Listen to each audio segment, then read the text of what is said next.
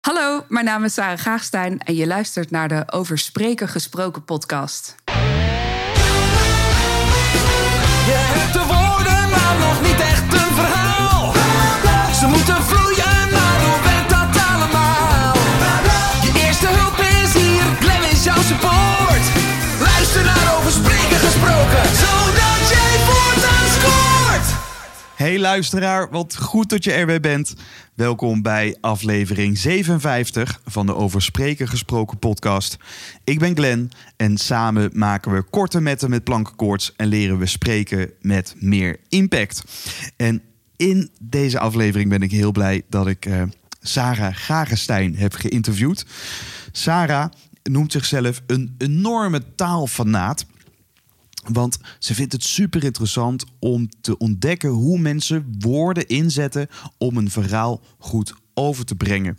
En we gaan het hebben over framing. Want Sarah is een echte framingsexpert. Misschien wel de framingsexpert in Nederland. En framing, denk je dan framing? Nou, ehm, denk bijvoorbeeld maar eens niet aan een roze olifant. Niet denken aan een roze olifant. En, eh, en, en ik eh, stel je eens voor hè, dat je zo in het zonnetje en dat je de warmte voelt op je huid.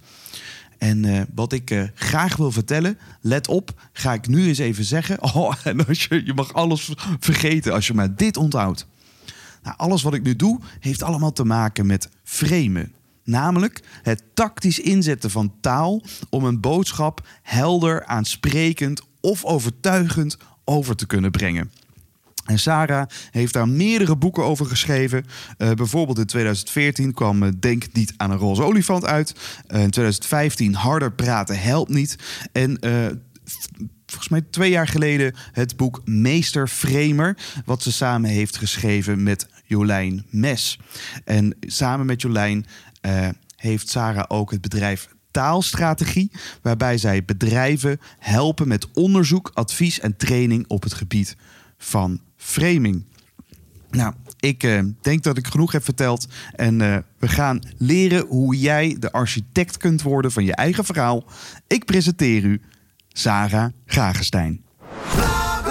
Sarah, welkom in de podcast. Hoi, leuk om hier te zijn. Ja, leuk om bij jou te zijn. Eh, de camera's stonden net nog niet aan, nu wel. Nu wel. Dus nu zijn we up and rolling. Hey, ehm, ik zie ook voor mij jouw boek liggen, Meester Framer. Yes. Eigenlijk is de titel Wordmeesterframer. Maar die wordt... Die wordt. Ja, dat is een soort, een soort nepstickertje zit er woordje. linksboven. Ja. En waarom? Wat, wat, wat is. Ja, nu ga- nu gaan we meteen een soort design ding.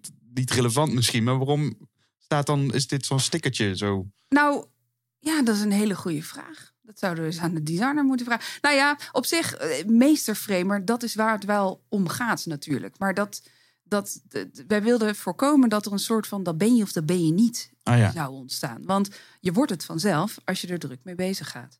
Ja, Dus vandaar eh, nog een stickertje wordt erbij. precies. Dus in potentie, je, zou, je, bent dus niet de meester framer. Dat word je. Ja. En ik hoop dus dat de luisteraar aan het einde van deze aflevering het gevoel heeft dat hij een beetje een meester framer Het is. aan het worden is. aan het worden Of is. geworden, ja, of in goed. potentie zou kunnen zijn. Yes, goed idee. Ehm, als start, hoe definiëren wij framing? Framing, dat is eh, onbewust beïnvloeden met taal en met beeld. En eerlijkheidsgehalve ben ik meer van de taal dan van de beeld. Ja. Eh, het beeld, excuses. Ehm, nou, het gaat erom dat je door de manier waarop jij je verhaal vertelt en welke woorden je daarbij kiest, een stukje van de werkelijkheid, een stukje van de werkelijkheid belicht en juist een ander stuk meer naar de achtergrond duwt. Ja. En daarmee ben je aan het sturen naar hoe een ander iets moet zien. Ja. In het boek schrijf je volgens mij ook dat wat er, wat, wat er tussen de woorden gebeurt. Tussen de regels door. Tussen de Ja. regels door. Ja, Dus ja. mensen zeggen wel iets, zeggen taal, zeggen woorden, maar dat, ja, dat gaat altijd door een subjectieve lens. Ja. En, en de beïnvloeding van die subjectieve lens, is dat, is dat framing? Oh, jij maakt het wel complex meteen. Oh, nou ja, nou, je, je, hebt, je hebt wel gelijk hoor. Want je hebt enerzijds het, het frame in de boodschap. Dus welke, welke verpakking gooi je nou jouw feiten? Ja. Maar aan de andere kant heb je natuurlijk ook het brein van de ontvanger. Die ook met bepaalde verwachtingen, bepaalde eh, beelden zit. En als daar goede aansluiting zit, ja dan, dan ben je echt aan het overtuigen. Precies. Dus je hoor je zeggen overtuigen, beïnvloeding, Mhm. eh, taal. Ja. Wat maakt framen dan anders dan ja, bewust communiceren? Eh, eigenlijk, eigenlijk niet zoveel. hè. nou ja, nou, ik denk dat framing een belangrijk onderdeel is van communicatie. Maar in die zin is framing ook onvermijdelijk. Wie communiceert, die framed. Eh, ik vind dat het frappant dat framing vaak zo'n slechte naam heeft. Hè? ja, daar hadden we horen- het net over ja, we je hoort vaak dat mensen zeggen: Oh ja, dat is geframed, schande. En dan denk ik: Geframed, schande. Eh, jij framet zelf ook. Want iedereen framet. Eh, neutrale taal bestaat niet. Ja. Het is onmogelijk om de feiten oningekaderd met elkaar te delen. Ja. Dus framen hoort erbij en is in die zin inherent aan communicatie. Maar het is wel een specifiek stukje van communicatie. ja, dus als ik zeg, gadverdamme, wat smerig. En ik wijs naar mijn bord soep. Of ik zeg, oh, oh, oh, dit is toch wel briljant. Dan, dan is dat in wezen al framing. Of is dat dan niet framing, maar gewoon een uiting van wat ik vind van die soep? Ehm, Dus wanneer wordt, wordt communicatie framing? Communicatie wordt framing als jij aan het voorselecteren bent op een oordeel. En Hmm. in die zin, kijk, als, als de ander het met jou eens is dat die soep eh, vies is, eh, ja. Ik, het, is, het zou even, als we in de soep blijven, Ja. klinkt raar als ik dit zo zeg, maar eh, dan stel dat ik jou een bord soep zou geven en zou zeggen: Ja, ehm, eh, ik, heb het maar, ik heb maar zomaar wat in die pan gedonderd hoor, dus ik weet niet of het wat is. Ja. En dan ga je wel met andere verwachtingen proeven dan als ik zeg: Dit is het recept van mijn oma's oma, Ja. waar nooit aan getornd is, want dit is het. Weet je, dan daarmee ga je dan toch, dan, dan, dat bord soep wat voor je neus staat, ga je toch op een andere manier bekijken. Ik denk dat je daar wel dan aan het framen Ja. bent. Dus- Is het een compleet frame? Mm, Dat weet ik niet, maar dat, daar komen we nog wel even op, Ja. denk ik. Ja, dus het is wel interessant. Dus op het moment dat ik dus een, een- iets aanbied, dat kan zijn een product, dat kan zijn een wetvoorstel, Ja. dat kan zijn een, een, een, een, gewoon een, een gedachte, een, meeting die ik Ja. graag eh, eh, ja, wel, wel de- gehoord wil, wil hebben. Mhm. Ja, dan is het dus de, de nu de eigenlijk hetgene wat ik zeg voordat ik dan daadwerkelijk met dat voorstel kom. Dat idee, dat wetvoorstel, dat vreemd als het ware al. Ja, het beeld wat mensen daarvan hebben. In jouw voordeel, ja, ik heb wat dingen bij elkaar geflikkerd wat ik in de tuin had. Dan denk ik, nou, we zullen we zien of dat lekker is. Of dat je zegt, dit is oma's recept. Ja. Dus generatie op generatie overgegaan. Ja, dan, dan denk ik, oh, een beetje. Want een sommelier is dus eigenlijk een meesterframer, denk ik dan nu. Ja, maar er bestaat ook wel echt vieze wijn in die zin. Dus, weet je, dat- Ja? En dat is het mooie, hè? want de feiten zijn de feiten. Alleen hoe je ze inkadert, eh, heeft wel impact. Dus als we Ja. dan even het wijnvoorbeeld pakken. Het is een soort eh, voedselpodcast, begint dit dan te worden. Welkom luisteraar, met de creatief met kurk. soep. Vandaag soep en wijn.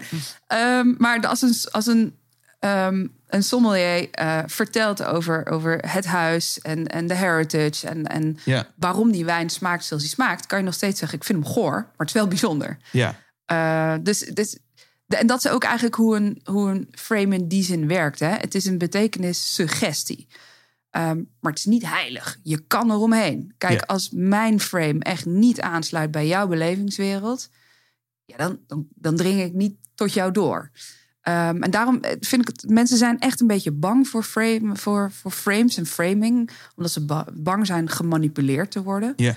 Ehm, maar gelukkig is het geen ijsverkopen aan Eskimo's. In die zin, je, je, je hebt wel die feiten nodig. Hmm. Of leugens. Maar dat is weer een hele andere tak van sport. Want? Wat, wat, wat, wat, wat is Nou, het onderscheid wat je nu maakt? Eh, eh, eh, nou, feiten kan je, kan je factchecken. En dan zeggen wij, oké, we zijn het met elkaar eens. Maar hoe interpreteer je ze? Ja. Daar kunnen we over babbelen. Ehm, of je gaat gewoon keihard aan die feiten voorbij. Trump wordt heel vaak als, als meesterframer getypeerd. Hè? Ja. En enerzijds valt daar iets voor te zeggen. Want onze lieve Donald is toch ook wel aardig. Goed, ja. Ik krijg bijna mijn ja. niet uit. Kijk, niet naar dat grapje met die... eh, nou, wat hij eh, gisteren heeft eh, geflikt. Ja, want eh, voor de luisteraars, dit dit is precies op het moment dat, dat de overgangsfase bezig is van, eh, van de president in Amerika. En hij tweet letterlijk. eh, eh, de, de- dus ik, ik, ik, het is allemaal een opgezet spel. Ja. En ik heb de feiten. Dus je Ja, zegt, ja, ja. de feiten, daar valt niet aan te Ja. tarren. Nou, Hij hebben zegt- hier iemand die... Hij zegt, wij hebben overtuigend gewonnen. Ik heb de feiten aan mijn zijde. Eh, de the elections were stolen. Ja, Ehm, nou, dat kunnen wij. Eh, even, ik zeg dat nu eh, vertrouwende op eh, de, de berichtgeving die ik allemaal gehoord heb natuurlijk. Hè. Ik bedoel, Ik heb ook de waarheid niet in pacht. Ehm, maar kan je, dat is gewoon een leugen. Dat is gewoon niet waar. Er is geen greintje bewijs voor wat hij zegt. Nou, is dat dan goed geframed? Ik zou zeggen nee. Want een, een, meesterframer baseert zich op de feiten, maar kadert die feiten wel zo in dat ze gehoord worden. Ja. Als je een beroepsleugenaar, die komt ook vaak met dingen weg, maar dat is omdat mensen de, de, de zoete praatjes ehm, geloven.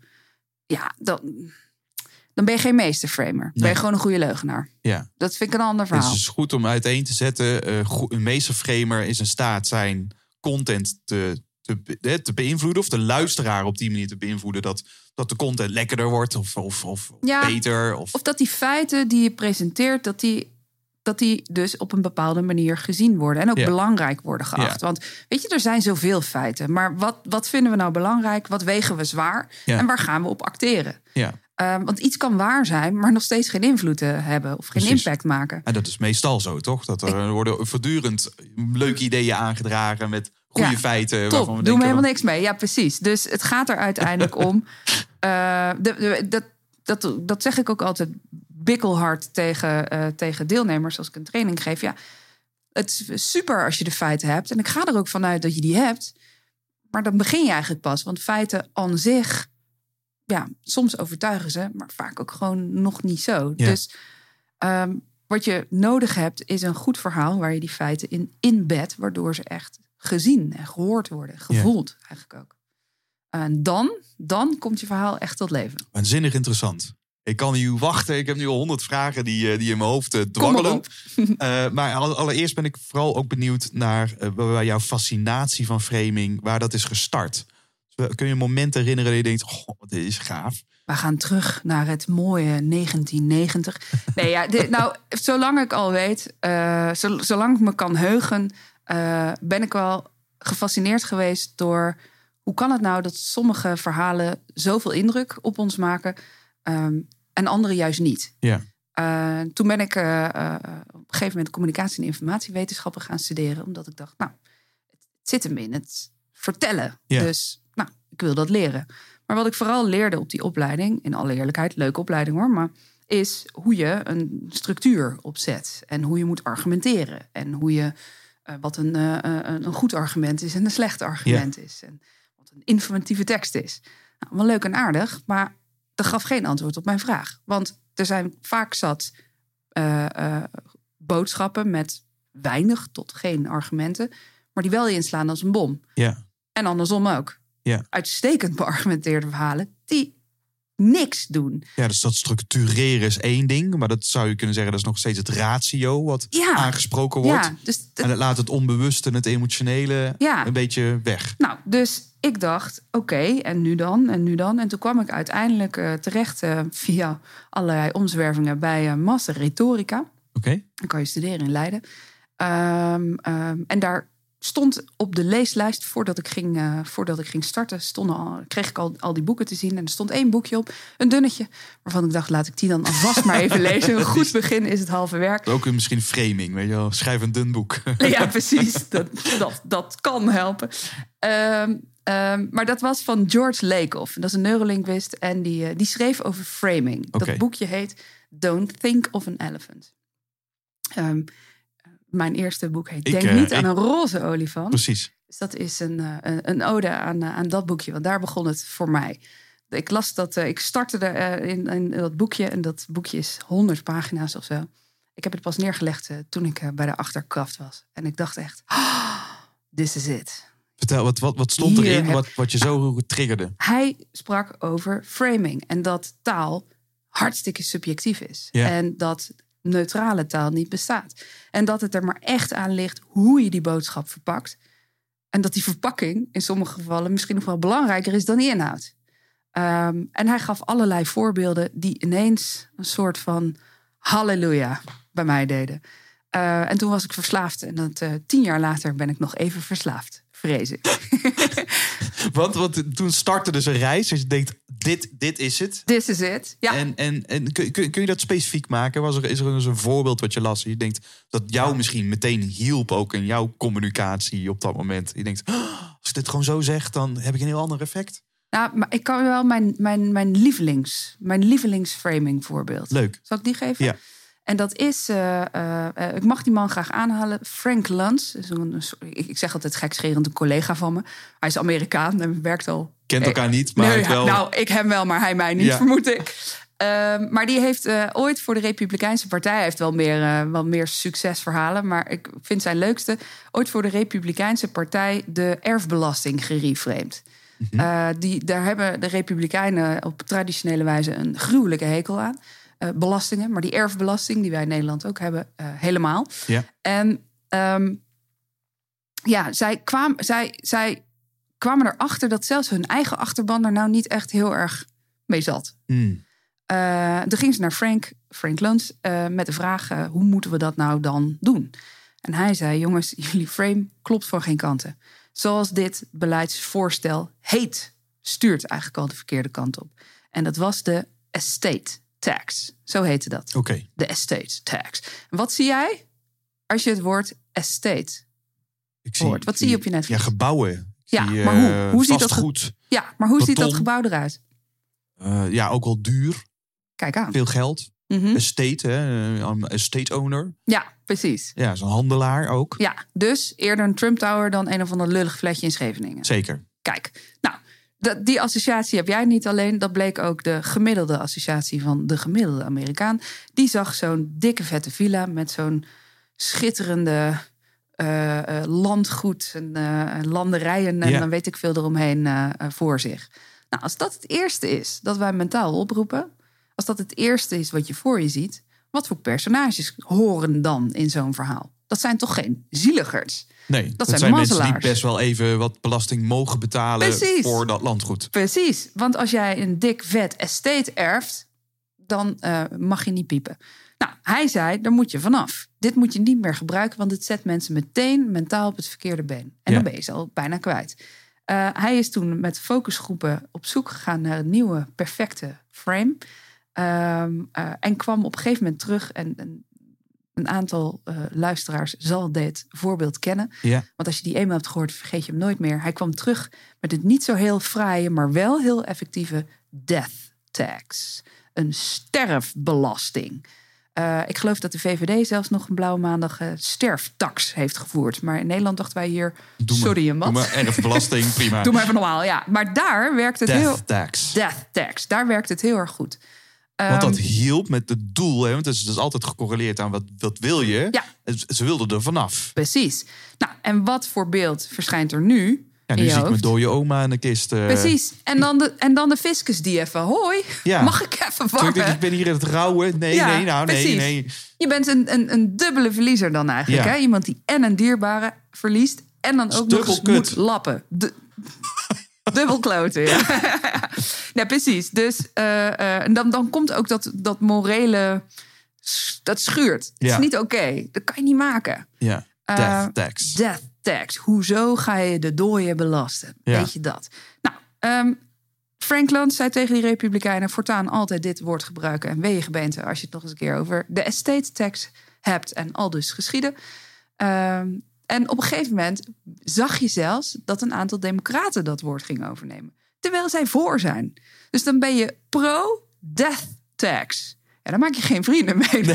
Als je dan dat woord gebruikt, dan dus je kan jezelf dus 2-0 op achter, 2-0 achterstand Ja, zetten. ook op 2-0 doe je dat. voorsprong. Ja.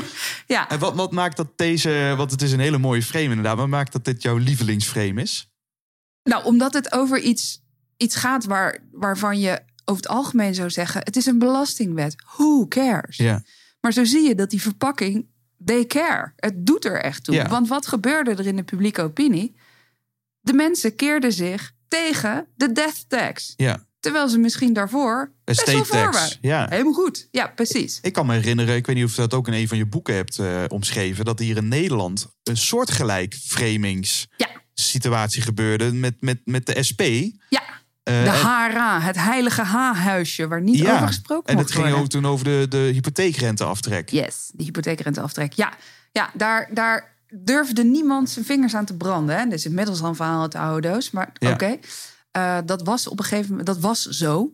Eh, want dat was een recht. En dat was, eh, dat, dat als je dat afpakte, ja, dan durf je, durf je niet... Daar schade je iedereen mee. Ja, daar ben je niet verantwoordelijk voor zijn. Ja, Ehm, en op een gegeven moment, nou, het ging er toch over, want het is een dure grap. En op een gegeven moment heeft de SP het alternatief bedacht: de villa-subsidie. Ehm, eh, en voor de mensen die dat meteen door hebben gehad, die zullen hebben gedacht: nou, nou, nou, het is maar een woordje. Ja. Ehm, maar wat ik inderdaad in mijn boek heb opgeschreven, mijn eigen moedertje, die belde mij op. en die zei: eh, eh, Ik heb gehoord dat de VVD voor een villa-subsidie is. Zij is helemaal van de pot gerukt. En toen moest ik toch wel een beetje mentaal grinniken. Nou, ook al hardop, denk ik.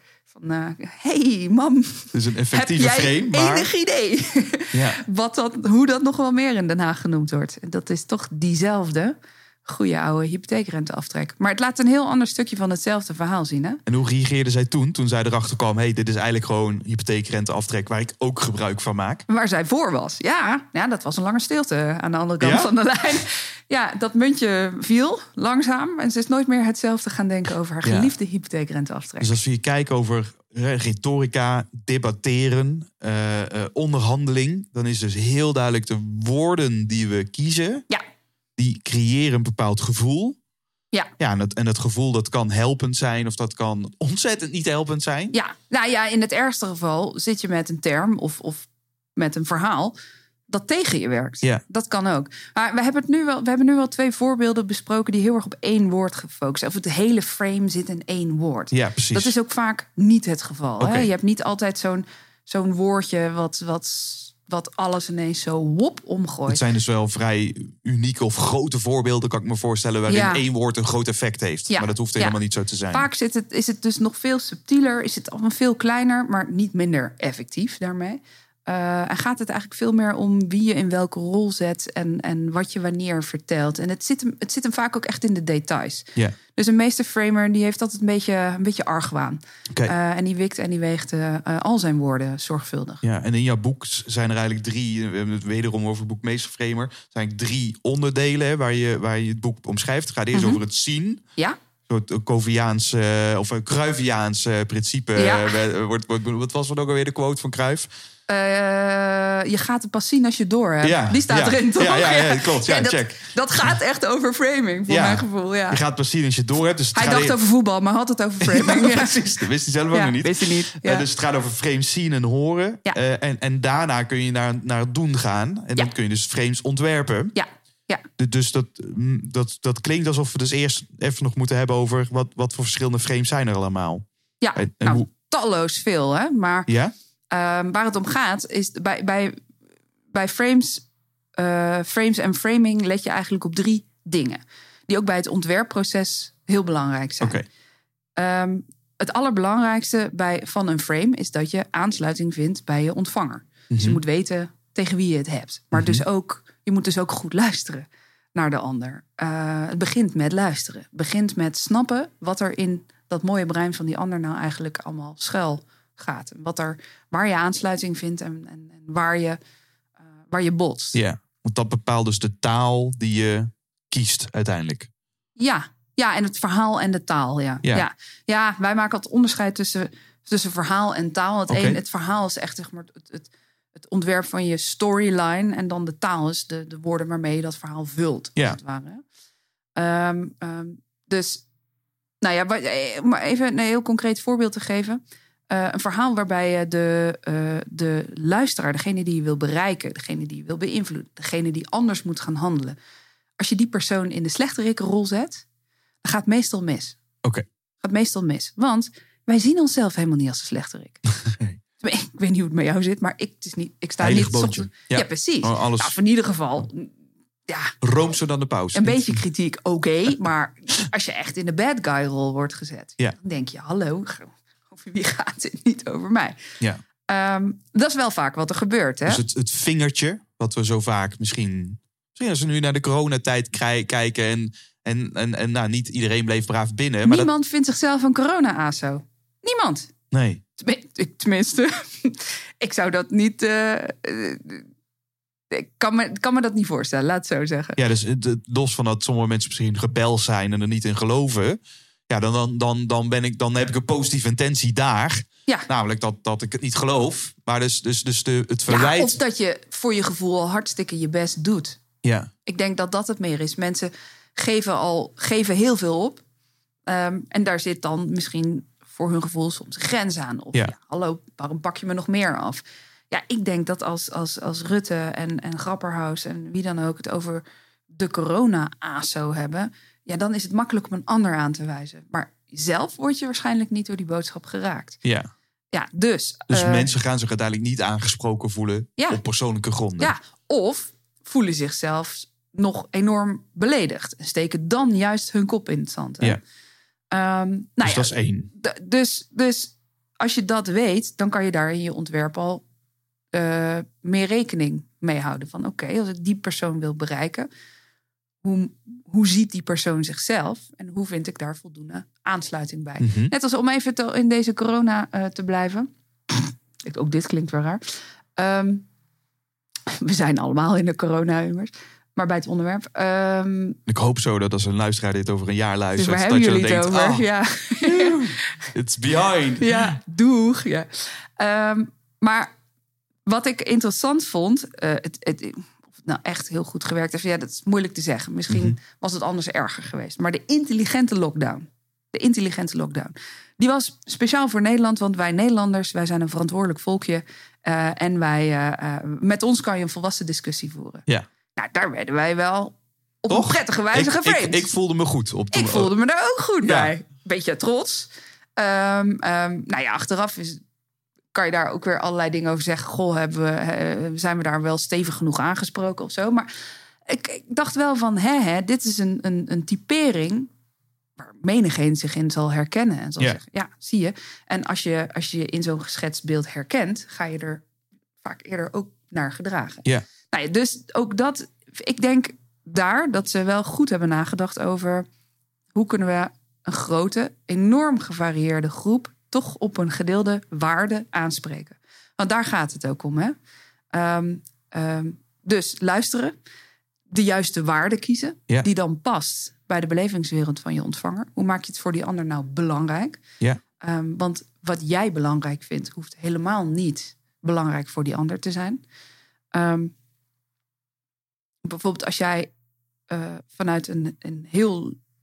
De, de, de waarde tussen de hele linkse en de veel liberalere stemmers, rechtse zou ik dan eigenlijk moeten zeggen, eh, die hebben hele andere belangrijkste waarden. Ja. Dus die kunnen op hetzelfde dossier ook daar hele andere belangrijke issues in zien en daarmee compleet langs elkaar heen praten. Precies. Dus het gaat er ook om dat je niet jouw eigen waarde centraal stelt, maar de waarde van je ontvanger.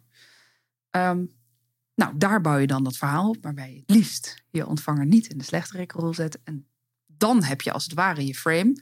Daar zoek je dan de juiste woorden bij. En maak je ook een lijst met woorden die je niet wil gebruiken. Ah ja. Dan zijn we al een heel eind. Nou, en op zich, dus als je naar frames gaat luisteren, dan luister je dus niet alleen naar de woorden, maar ook naar het verhaal. En wat, welke waarde zit er nou onder? Ja. Nou, en vanuit die ingrediënten kan je dus proberen aansluiting te zoeken vanuit jouw eigen feiten en jouw eigen Precies. beweegredenen. Je, schrijft dan in, in het boek volgens mij de, de grotere waarom. Dat, dat Ja. begint het altijd mee. Ja. Hè, de, het kloppend hart Ja. noem je dat dan. Ah, eh, soms kom ik bij opdrachtgevers en zeg ik, ja, waarom willen jullie dit eigenlijk? En dan blijft het stil. En dan denk ik, ja, als je het niet kunt, als je echt geen antwoord op deze vraag kunt geven, kunt geven, ja, wat verwacht je dan van de luisteraar? Dan kunnen wij dat toch ook niet? Waarom zouden we dan aandacht aan besteden? Er zijn zoveel dingen die ons aandacht vragen. ja. Het moet wel, om, om, om überhaupt gehoord te worden, moet wel duidelijk zijn waar het nou echt om draait. En of het er eigenlijk echt wel toe doet. En waar gaat dat voor jouw gevoel dan eh, mis? Van, ik pik dan twee dingen erop eh, op uit. Of één, het verhaal is dus heel wollig en of het totaal niet logisch opgebouwd. Mhm. Eh, Of veel te veel losse eindjes, hè? open eindjes zitten er vaak in. wat zou zo'n los, los eindje kunnen zijn? Allerlei mits en maren en bezwaren. Kijk, als je, als je, het is, als het voor jou als spreker al heel moeilijk is om tot de kern te komen, wat er nou eigenlijk is, ja, dan is het voor de ontvanger onmogelijk. Ja. Ehm, dat is al, en dat gebeurt toch wel heel vaak, hè? Dat je denkt, wat is nou eigenlijk, als ik dit zou moeten samenvatten, wat, wat, wat moet je ik dan, punt? ja, waar kom ik dan op uit? Ik weet het eigenlijk niet zo heel erg goed. Ja. Ehm, ja. Ja, maar jij zat eigenlijk midden in de zin. Ja, dus het dat is de ene kant. Dus, dus een voorwaarde haast. Mhm. Als voor mij als spreker is, eh, kan ik het eh, simpel uitleggen? Kan ik het afpellen Ja. uiteindelijk of niet? Mhm. En het tweede is, is, er, is er die afstemming? Mhm. Maar dan noem je ook het mooie het politieke voorbeeld. Wanneer er een debat is tussen de linkerflank en de rechterflank. En Ja. die, die hebben hetzelfde dossier en kijken daar met andere waarden naar. Ja. Maar dan zou je toch haast kunnen zeggen, dan is toch als ik... Stel, ik zit bij GroenLinks en ik wil de Forum voor Democratie beïnvloeden. Eh, sta, eh, ik probeer even extreme, een extreem voorbeeld te Ja, schetsen. maar- ja, ik ga het even wedervragen. Waarom zou je dat willen?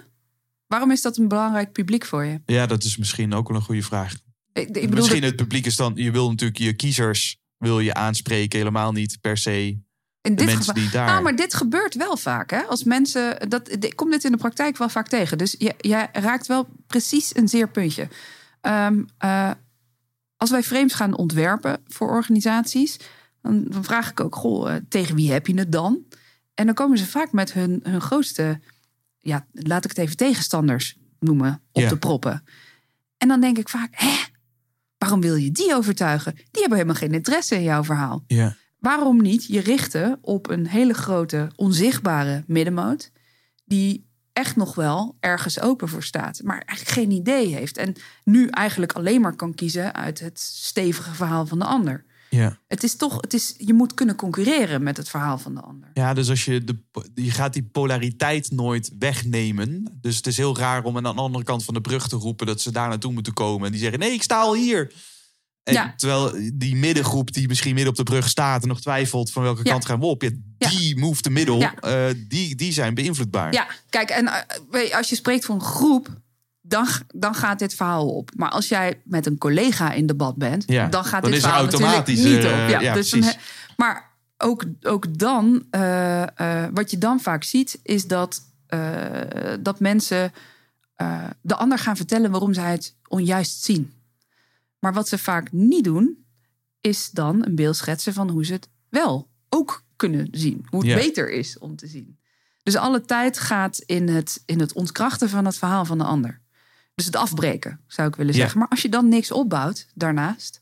En iets wat voor de ander misschien een nieuw paadje in het brein kan aanleggen. Een klein deurtje kan openen, een beginnetje. Dan, dan gebeurt er ook niks. Ja. En want als mensen zich aangevallen voelen. En als jij het verhaal van de ander gaat afbreken. Dan zal dat, dan zal dat het geval zijn.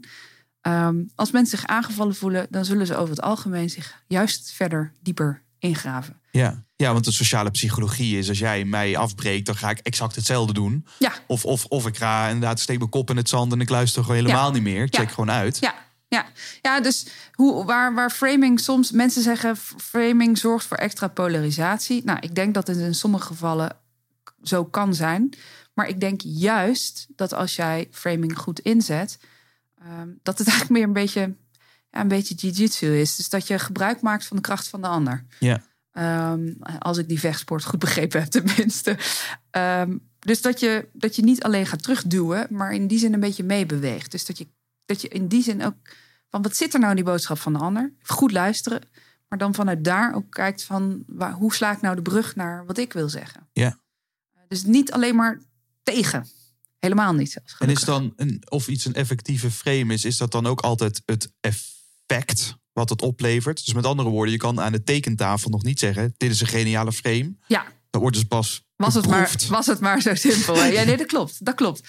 Eh, en dat is natuurlijk ook het fascinerende aan het vak. Hè? Dat het eh, in de praktijk ook weer barstig is. Je moet, je moet soms ook een beetje uitproberen. Het is een, een beetje experimenteren. En, en eh, van tevoren kan je in ieder geval vaak al eh, bepalen wat niet gaat werken. Ja.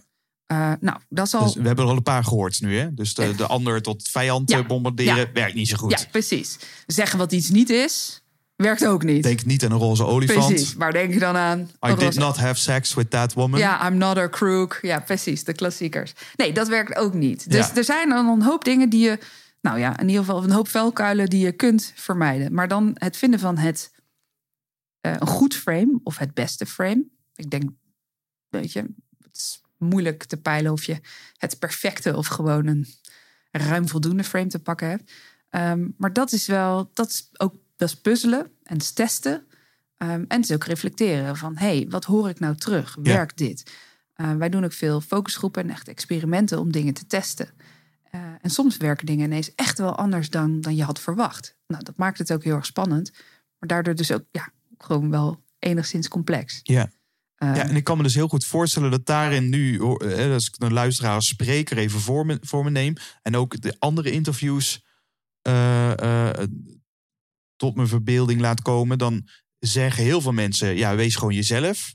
Mensen vallen op authenticiteit. mhm. En, en dan gaat het eigenlijk juist uit je kop gaan. En, en meer hè, spreek vanuit je hart. Krijg je dan van dat soort. En dat is allemaal een beetje. Je zou kunnen zeggen, ja, wat betekent dat dan? Mhm. Eh, maar daar hebben we heel veel afleveringen gaan echt letterlijk over. Joh, als zolang je maar eh, jezelf bent. Ja, Eh, en, en hier komt bij framen gaat gaat echt wel over een soort het meten, het wegen Ja. van, van effecten, Ja. het analyseren. En, en ik kan me dus voorstellen op het moment dat ik dus voor zo'n groep sta en ik maak het voor mezelf redelijk complex, want ik heb een nieuwe groep andere mensen. Dus het zou zomaar kunnen dat die frame van gisteren Mhm. nu niet meer werkt, ja, want ik zit in een andere context. ja. Ja, dat, dat ik dus daardoor misschien zodanig in mijn kop schiet, waardoor het juist die verbinding uitblijft. Ja, Dus ja. ja dat is, dat is een- Hoe, verhoudt dat, hoe Ja. verhoudt dat veld zich en hoe adviseer jij dan mensen dat ja, in de voorbereiding, doe je dan Ja. denk in de voorbereiding, laat het los op het moment dat je gaat spreken? Of, of hoe werkt dat? Mm. Ja, nou, ik, ik zit even te denken. Ik ben even aan het, eh, aan het, aan het putten uit eh, een spreker die ik een goed voorbeeld vind van iemand die authentiek was. Hij is er niet meer. Maar ook heel strategisch. Oké, Eberhard van der Laan, oud-burgemeester van Amsterdam. Ehm, die werd namelijk als heel authentiek ervaren. ja, Maar als je gaat kijken naar, naar zijn de, debatvaardigheden, ja, dan is het ook een hele handige spreker. Ja? Ex- Ex-advocaat, heel scherpe, scherpe tong. Eh, en die had altijd een weerwoord. Hè? Maar ik heb daar eens een keer naar zitten kijken van hoe doet hij dat dan? ja, En wat hij doet is wel vanuit zijn eigen persoonlijkheid spreken. Maar ondertussen kiest hij wel zorgvuldig zijn woorden. En nou is hij wel dus bezig met de persoon die aan de andere kant staat. ja, Ehm, ehm, maar op een of andere manier is dat perfect in balans. Authentiek en strategisch. En, en eet dat niet van elkaar af of zo. ja, Ehm, dus het zit, weet je, in, in, je, in, je, in je stijl en wie je bent en wat je uitstraalt. Denk ik dat je heel dicht bij jezelf moet blijven. Maar ja, het is hetzelfde als jij, als jij een debat met iemand voert. Als het goed is, kies je de argumenten die de ander het meest overtuigend vindt. Dat jij denkt. Niet de argumenten die jij zelf het meest overtuigend vindt. Nou, zo geldt dat bij framing eigenlijk ook. Als je te ver van je eigen geloof afgaat, ja, ja, dan wordt het. Dan gaat het ook schuren, hè? maar dan, dan, dan is het ook niet meer jouw boodschap. En ik denk dat je dat zelf heel erg goed aanvoelt. Van, nou, je bent het gewoon echt zelf niet mee eens. Ja. Dan moet je het niet doen. ja, Ehm, maar binnen dat, gewoon binnen die, die, die comf- comfortzone, zou ik binnen zeggen. Je hebt een aantal opties waar je, waar je dan uit kunt kiezen. Dan kies je het frame met de meeste aansluiting bij de ander. En nog een ander puntje wat je net aanvliegt. Soms weet je het ook niet. Nee. Ja, dan moet je ook een beetje aftasten. Ehm, maar als je niets weet over je publiek, helemaal niets, ja, dan kan je eigenlijk ook niet framen. Of ja, dan kan je wel framen, maar het is een beetje. Wordt In het het intuïtie of zo? Als je, Ja. als je ze- op het moment dat je ziet, denk je, Ja. oh, ik, Ja. een soort esthetische afweging dan of zo. Ik zie eh, Ja, de ja. plakplaatjes. Nee, Ja, of het, het rookgordijn. Dat is ook zo. Tenminste, ik noem dat zo. Ik weet niet of de rest van eh, de wereld dat zo noemt. Maar zo'n zo'n zo'n zo'n toespraak of een tekst of een verhaal... eh, waar, je, waar je niks tegen kunt hebben... Ja. omdat het echt nergens over gaat. Ja, precies. De bullshit bingo, zeg maar. Ja, dat. Dat ja. ziet er ook op ja. managerial, executive. Ja. Kunnen we toch elkaar heel erg vermoeien met zinnen. Laten we een piketpaaltje slaan. Ja, top idee. Geen idee wat het betekent. Nee. Weet je, dus dan, maar dan, dan moet je je afvragen of je wel wil communiceren als je niks te melden hebt. Maar toch is dit natuurlijk wel een valkuil op het moment, op het moment dat, je, dat je te veel gaat feinzen. hè. Je ziet dat ook in talkshows, dat bijvoorbeeld eh, Matthijs van Nieuwkerk heel allergisch werd wanneer dat er een politici in, in de uitzending was die dan een, een, een tape loop af gaat spelen. En dat is dan helemaal... Of, een wat? een tape loopje. Dus, je, dus je, je, je gaat gewoon, ik ga gewoon mijn verhaal doen wat ik zojuist ook Oh, daar ja. heb gedaan en Ja. daar heb gedaan. Ja. En je wordt een soort herhaling, een soort, soort tapebandje wat, wat opnieuw Ah, aangaat. En dat Matthijs denkt van... hé, hallo, volgens mij maak je geen verbinding... en je geeft ook geen antwoord op mijn vraag. Ja. Je gaat nu gewoon eh, partij... eh, je, je, gewoon, je gaat je verkiezingscampagne afsteken. Daar heb ik helemaal geen zin in. Ja. Of, of ik moet nu denken aan ehm, van D66... eh, was dat bij Jinek of zo? Eh, of Was het Kaag? Dat heb ik niet gezien. Zeg je?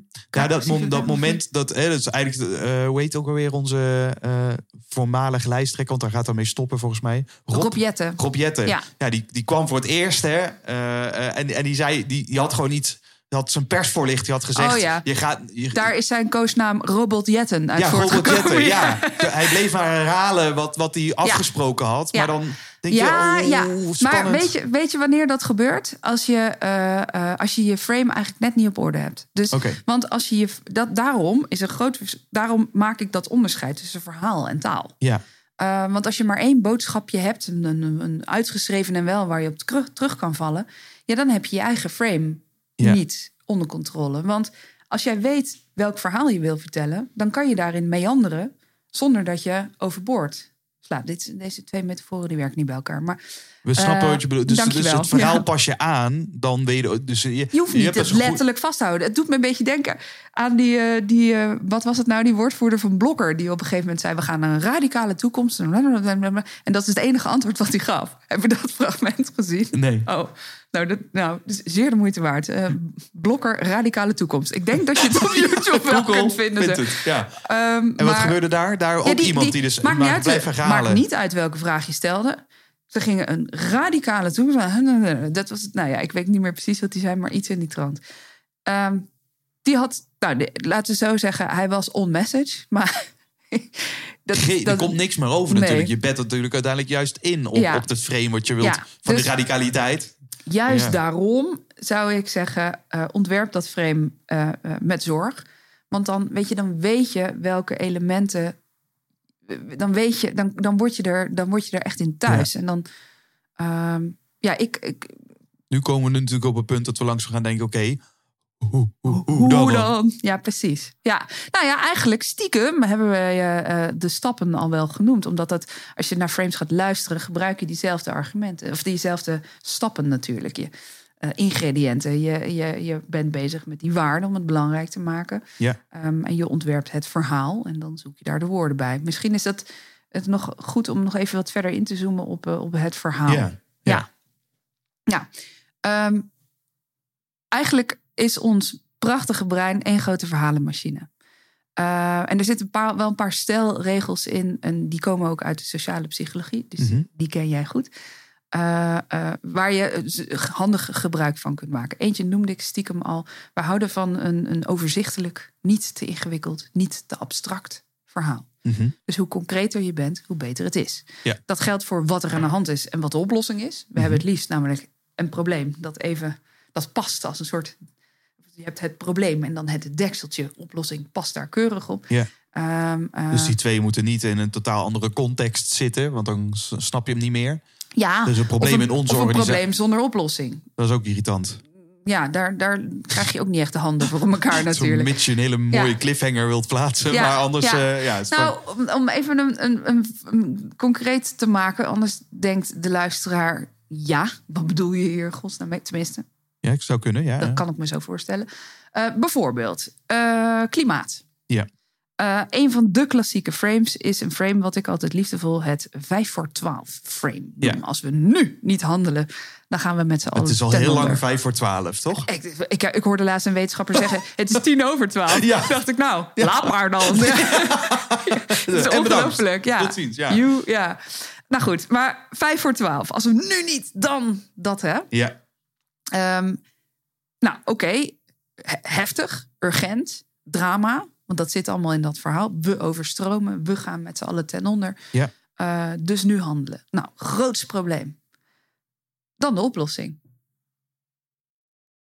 ja, dat is waar heel veel mensen dan denken... Ja, Ja. Eh. En nu, ja, Ja. precies. Wat kan ik nou doen? Ehm, dat is bij een fear appeal, wat dit is. Als je een frame hebt met een fear appeal erin. Als je mensen echt bang, voor twaalf, pas bang wil maken en dan in actie wil trekken. eh, dan moet je oplossing minstens even indrukwekkend zijn als je probleem. Oké, Ehm, want anders gaan mensen als een soort hert in de koplamp.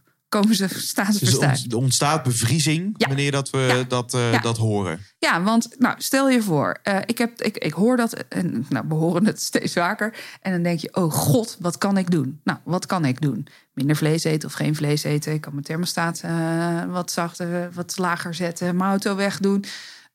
Kan mijn vliegreizen omruilen voor een fijne fietsreis. Ja. Het gas ik- af. van het gas af. Je kan allerlei kleine dingetjes doen. Ja. Ehm, maar goed, als ik dan uit mijn raam kijk en de nieuwe terreinwagen van mijn buurman zie. Die staat er niet. Wij kijken nu uit het raam en zien die niet. Maar stel. Ja. eh, ja, dan, dan word je ook een beetje wanhopig. En dan, dan hoor je dat eh, Trump zegt eh, klimaatverandering bestaat niet. En dan denk je, laat maar. Ja. Tenminste, die kans is best aanwezig. En dan hoor je ook vaker dat mensen zeggen... ja, het heeft toch geen zin.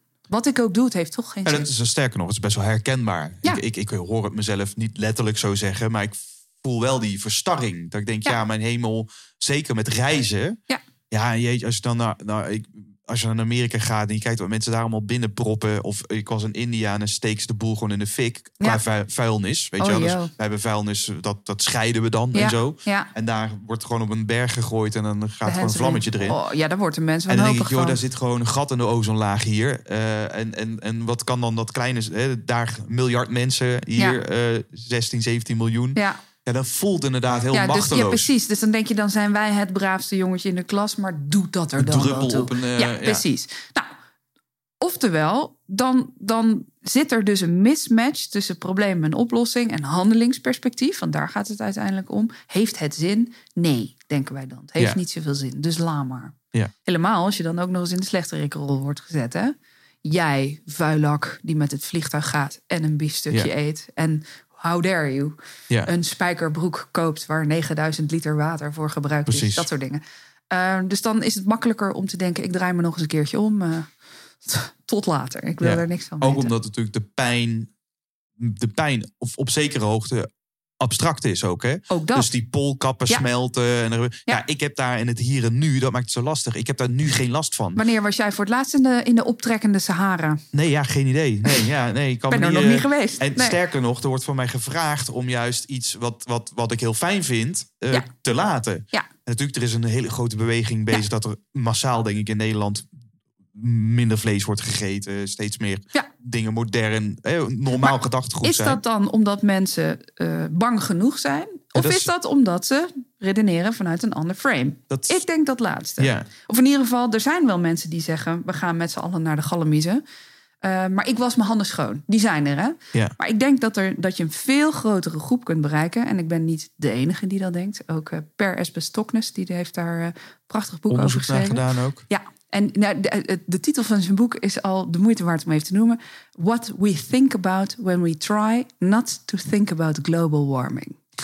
Lovely, is toch prachtig? Wat een boek. Dat is mooi, mooie taal. Ja. is ook een, eh, een leestip voor wie eh, eh, klimaatcommunicatie interessant vindt. Nog een keer? Eh, what we try not to think about when we think about global warming. Check. Per Espen Stoknes. Ehm, maar hij zegt ook van al die, al die doomsday scenario's... die zorgen ervoor dat mensen eh, juist hun kop in het zand steken... terwijl je net zo makkelijk over klimaatwinst kunt spreken. Ja. Hey, eh, eh, eten, een vega-dagje is klimaatwinst. Met de trein is winst. Omschakelen van gas naar is winst. Dus het, het glas is half vol en half leeg tegelijkertijd Ja, natuurlijk. ja, Dus met zo'n met Maar daarin wordt er wel er wordt een probleem gezet, maar er wordt wel, er wordt wel op oplos, oplossingsniveau wordt er een Ah. soort, soort beloningsding. dat is vaak dat ik hier ook wel, hè? Oh, lekker. Ik, ik ben trots op mezelf nu, want ik Ja, heb die nou- vegetarische dag gehad. Jij belandt ineens in een hele andere rol, namelijk die van slechterik naar held. Ja, Ehm, en dat voelt een stuk prettiger. ja, Ehm, eh, en dan ben je niet degene die, die dingen moet opofferen, die dingen niet meer mag. Maar dan ben je degene die voor het juiste kiest. Of iets Ja. bijdraagt, iets positiefs bijdraagt. Ehm, waarmee, nou ja, waarmee het perspectief op wat er gaat gebeuren toch wel iets positiever wordt. Nou, wordt er ook wel kritiek op dat frame geuit. Omdat ze zeggen, ja, maar je gaat daarbij aan, aan- voorbij aan alle gruwelijke feiten. Namelijk de stijgende zeespiegel en eh, CO2. En dat er heel veel eh, eh, biodiversiteit verloren gaat. Ja, eh, ook, ik bedoel, dat zijn gewoon feiten. Hè? Maar zijn dat feiten waarmee je mensen echt in beweging krijgt? Nou, ik denk een heel groot deel niet. En hier komen dus en bij de... dan kan je gelijk hebben, maar als je het niet krijgt, dan heb je daar hier, niks dit is aan. dus de essentie van het framen weer. Hè? Dus, dus het zijn feiten, maar helpt het om mensen dan in beweging te krijgen? Precies. Ja, als dat niet het geval is, dan snij je jezelf dus in de vingers als, Precies. als je dat beoogt. Ja. Als Ja. we dit nou, want dit is een mooi, dit is een soort globaal ding waar we alle, allemaal wel iets bij voelen. Als we dat nu trekken naar, naar, naar, naar de context van een organisatie. Ja. En, en, en de luisteraar, of die nu in de organisatie werkt of spreker is en moet spreken. We, we kennen allemaal, ja, die mensen hier, die hebben, pakken geen eigenaarschap. En dan hoor je al een soort van de opdrachtgever. Een soort van, Ja. ze, ze zijn niet de held. Nee. Ja, ze, ze plannen niet. Weet je wel, time management nu, remote working. Ja. Awful. Ja, ja, verschrikkelijk. ja. Hoe- En ja, oeh, zo, ze pakken geen eigenaarschap is een verwijt, hè? Ja. Al duidelijk een slechte hier-. Ja, Nee, Dat is echt letterlijk taal wat ik hoor. Hè? zo. Eh, nou, ik voel mezelf in de weerstand gaan. En het gaat niet eens hier over die, mij. eh, ja, dus, dus dan denk je ook al, stel, ook al zou het waar, waar zijn, dit helpt niet Nee. eh, om ze de andere kant op te krijgen. Nee, nee. En dat is dan een soort van brandbrief van... nou, misschien gaat dit mensen wakker schudden. Nee. Ja, en wij krijgen dan als trainer, spreker, manager de opdracht: activeer ze. Ja. Zorg dat ze van reactief naar proactief Ja. gaan of zo. Ja. En hoe zouden we dit dus vanuit het perspectief van de meesterframer, hoe kunnen we dit aanpakken? Nou, eh, de eerste vraag die ik zou stellen bij de organisatie is: wat voor, wat voor mensen gaat het dan? Wat is er aan de hand? Want kijk, ehm, die context doet ertoe. Hè? Want je kan, je kan dat keurig gaan reframen, daar heb je allerlei opties voor. Ja. Maar plak dat dan. Ehm, ehm, stel dat je een organisatie hebt waar het management jarenlang al elk initiatief heeft doodgemapt. Ja. Dat kan. Eh, en er zit misschien nu nieuw management of zo. Eh, en die krijgt die erfenis. En die gaat daar dan mee. Zegt: Hallo, jullie doen helemaal niks zelf. Er komt niks uit jou. Ehm, dan, zou ik al, dan zou ik kunnen adviseren om te zeggen: gebruik dat gegeven en pleit hen daarmee vrij. Dus als je zegt: natuurlijk, het afgelopen jaren is er eigenlijk geen ruimte geweest. Jullie initiatieven, jullie zijn initiatiefrijke mensen. Ik weet het. Maar er is nooit ruimte geweest. Goed nieuws, vanaf vandaag wel. Pak die ruimte. Eh, nou, ik zou nog. dit is dan nog een beetje versie 1. Ik zou Ja, hier nog even ja, aan schaven. Ja, maar dus, maar je- even, dit- even, even voor dus resume, je- of ze dit destilleren voordat we naar een, een volgend voorbeeld gaan. Dus, dus je, je, je reframet dan de werknemer niet als, als bad guy, maar als iemand die eerst geen ruimte kreeg, maar nu wel. En je zegt: Ik weet dat jij vol met initiatieven zit. Heus wel. Dus je framet iemand eigenlijk in een hele positieve rol. Eh, en er is iets veranderd. Want waarom zou iemand ander gedrag gaan, gaan, gaan tonen als de context niet veranderd is? Dus je moet ook, er moet een gebeurtenis zijn. Iets moet, iets moet aan, de, aan de hand zijn. ja, Uh, waarom nu wel? ja, Nou, en door te zeggen, nou, we hebben, de- de- er is nu echt iets veranderd. Wij zijn niet meer dezelfde organisatie. Is er een soort voor en een na? En kan iemand ook in die nieuwe rol stappen? ja. Dus dit, dit, hier, hier hoor ik ook wel een heel belangrijk facet. Hè? We ook voor, om verandering te sturen. Dan, dan moeten we ook eigenlijk af van die status quo. Ja, Dus we moeten ook eigenlijk zeggen van eh, gisteren was weer een soort Ja. dag-nacht-cycli. eh, bijvoorbeeld. maar er moet iets aan de hand zijn. Ja. Hè? Ja. Ehm, nou ja, maar de, de verandering kan bijvoorbeeld ook van buitenaf komen. Eh, even een ander frame. Zelfde, zelfde situatie, ander frame. Ehm, het zou kunnen dat je zegt, jongens, we, hebben, we, we konden jaren gewoon goed af. Iedereen heeft zijn werk uitstekend gedaan. mhm. Eh, we, zijn, eh, we zijn hartstikke blij, we gaan goed. Maar de markt verandert. En dat gaat zo, zo rap nu dat we ons zorgen maken. Ehm, maar we willen iedereen binnenhouden. Ja. We willen eigenlijk, zeg maar, in die verandering met z'n allen bij elkaar blijven. Ehm, maar dat betekent dat we slimmer moeten zijn. En we willen aan iedereen vragen om, om mee te werken, zodat we dit samen kunnen bolwerken. Eh, dus dan is het ook niet voor de aandeelhouder of voor de directie, maar dan doe je het ook een beetje voor jezelf. Hè? En dan komt de dreiging van buitenaf. Ja. Ehm, de vraag is dan alleen, worden ze daar bang genoeg van? Kijk, als je dat in hoogconjunctuur doet, dan zal iedereen denken, "Pff, het zal wel. Ehm, maar wat, bijvoorbeeld in de vorige financiële crisis zag je dat wel. Zag je Zeker, dat die ja. frames werden en gebruikt. En, daar werd ook gehoor aan Ja. En ook dat was natuurlijk in correlatie tot eh, wat we in de media zagen met, met bedrijven die omvielen. Ja. Ja, dat dan inderdaad. Zo zie je ook echt dan zeggen: Ik weet niet of hier volgend jaar nog en met de eindejaarsreceptie eh, met deze samenstelling bij elkaar kunnen zijn. Ja, Nou, dat is wel, dat, daar heb ik als trainer eh, niet dat ik het leuk vond, maar dat zorgde wel voor dat ik mensen in beweging kreeg. Ja, ja precies. Het, hoeft, het, het is geen leuke boodschap, maar wel eentje die mensen denkt... oh shit, het gaat ook echt over mij. Ja. En ik heb zelf een actieve rol hierin. Eh, dus dat is weer een heel ander frame. Nou ja, Ja. zo kan je er... maar het ligt dus aan de context, het ligt aan de mensen... het ligt aan, eh, eh, aan de persoon die het zegt. Een paar jaar geleden was ik bij een, een directeur... die nieuw in een familiebedrijf was ingestapt. Een, een aardige en ontzettend intelligente man. Alleen... ehm, ehm, hij werd als een, als een buitenstaander heel erg gezien. Ehm, Omdat hij ook niet uit de familie kwam. nee, nee hij, was, hij was, omdat hij zo slim was, aangenomen. En niet van onderop. Het, Ja. was, dus het was ook een, een, een nieuw gezicht in een oud bedrijf. En dan zie je ook dat an- andersom is vaak ook waar. Dat dan in zo'n familiebedrijf mensen misschien hele hoge functies hebben. Niet zozeer omdat ze er slim genoeg voor zijn. Ja, maar hè, ja. ik- we, hebben, we het, delen liefst, de naam. het liefst heb je beide. Maar oké, nou, dus dit was een, een, een, een nieuwert. Eh, en op een gegeven moment ging het gewoon niet goed in die business. En dat lag niet aan hem. Dat lag gewoon aan de omstandigheden. Ja. Dus hij verkocht een product waar op dat moment gewoon... wat piepend en krakend tot stilstand aan het komen was. Dus er moest wel het een en het ander veranderen. Ehm, eh, en hij stuurde mij op een gegeven moment een, een, een opzet voor, voor een boodschap die hij moest gaan vertellen. Namelijk dat de helft eruit moest. En dat had hij als volgt Oké. geframed. Ja. Nou, hij zei, lang verhaal kort maken, hij zei: ehm, eh, de helft moet eruit, heel rot, maar eh, dat, zorgt voor een, eh, dat, dat zorgt voor ruimte voor een glorieuze toekomst. Van de vier kunnen we naar epische hoogtes doorbouwen. Oké. Ja, ik, ik voel wel een beetje van... Oké, dus we, we Je snijden- vindt hem niet zo goed, begrijp we, we ik? amputeren eerst de helft en daarna gaan we het heel gezellig hebben. Weet je wat? Ja, terwijl, terwijl en toen, dus ik belde hem op. Ik zeg, huh? hoezo? Hij zei, ja, ik wil niet met zo'n negatief verhaal komen. Ik zo, nou, de helft gaat eruit.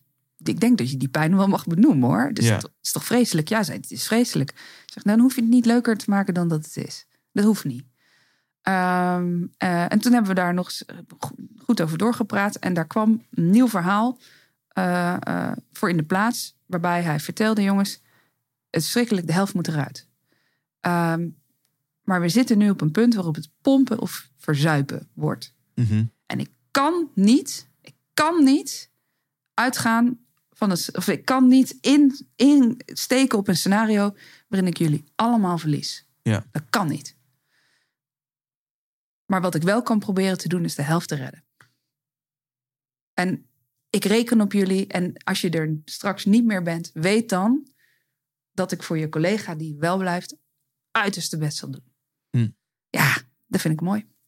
Dat vind ik sterk. Ik, ik voel natuurlijk het verschil tussen Ja. de twee. eh, Nou, omdat het, het gaat niet meer om winst. Het gaat niet meer om toekomst. Het gaat om dat behouden wat je dierbaar is. En Ja. dat werd gevoeld. Hij was misschien wel een vreemde, maar hij zei...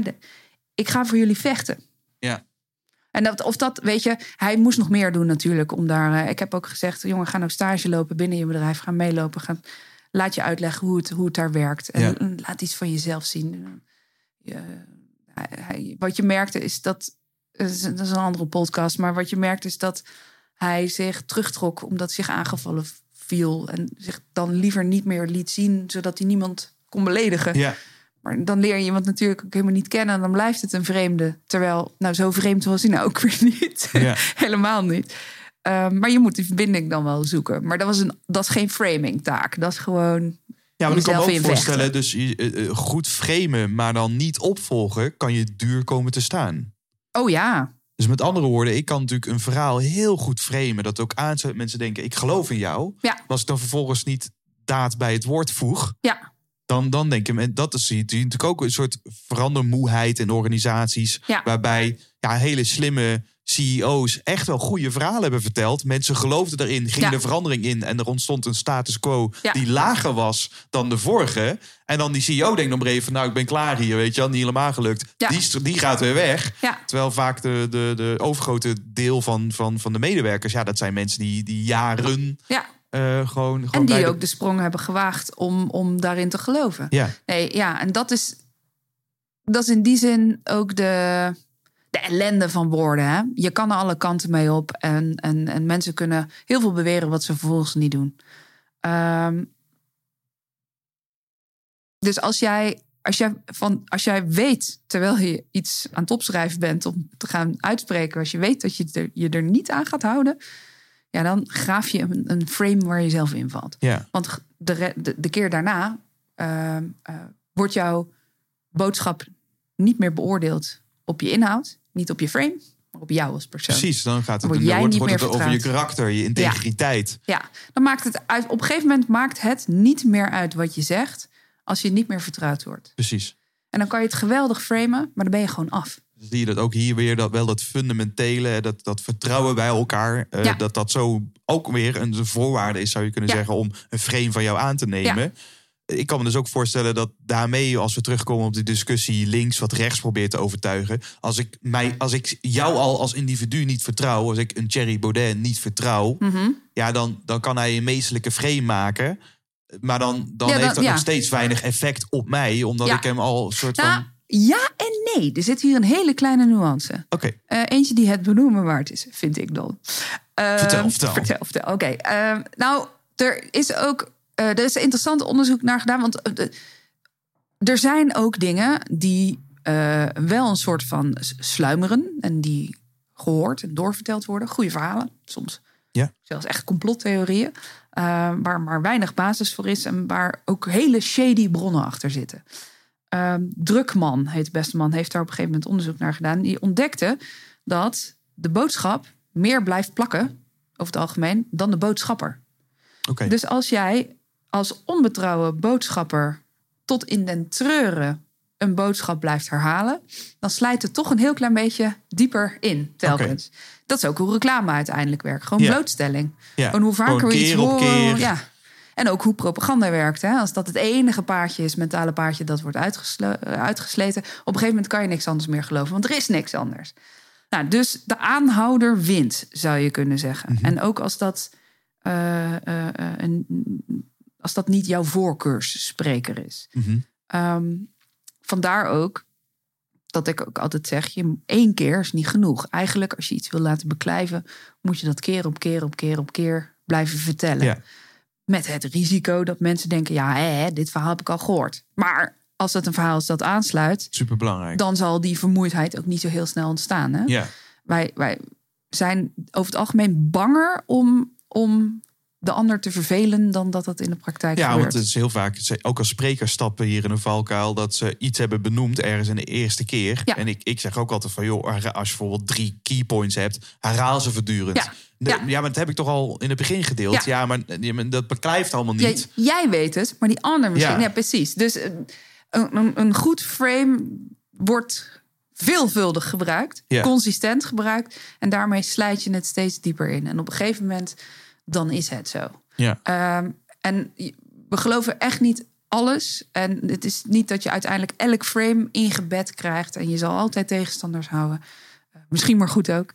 Ehm, maar het is wel wie, wie consistent en eh, bij zeg maar kernachtig en concreet weet te framen. Ja.